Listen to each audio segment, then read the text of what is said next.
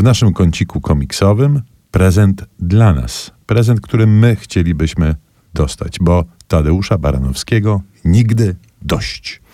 Tadeusz Baranowski bowiem jest autorem komiksowym absolutnie e, cudownym. E, na nim się wychowaliśmy, przyznajmy to uczciwie jako, jako dzieci, ale on wciąż jest wznawiany, wydawany, wciąż funkcjonuje całkiem nieźle na rynku komiksowym polskim i oto dostajemy taką nowość, nie nowość. Pewne elementy są nowe, pewne już są znane, mianowicie album pod tytułem Dymki z Tintina, jak dymek z komina, jak to u Baranowskiego ładnie się rymuje. Baranowski miał taki epizod w życiu, że współpracował z belgijskimi rysownikami komiksowymi, głównie właśnie z magazynem Tintin, czy też Tintin, jakby to Belgowie powiedzieli.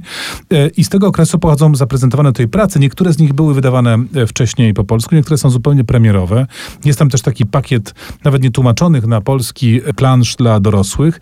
Jednym słowem, zupełna gratka dla czytelnika przede wszystkim baranowsko-filskiego.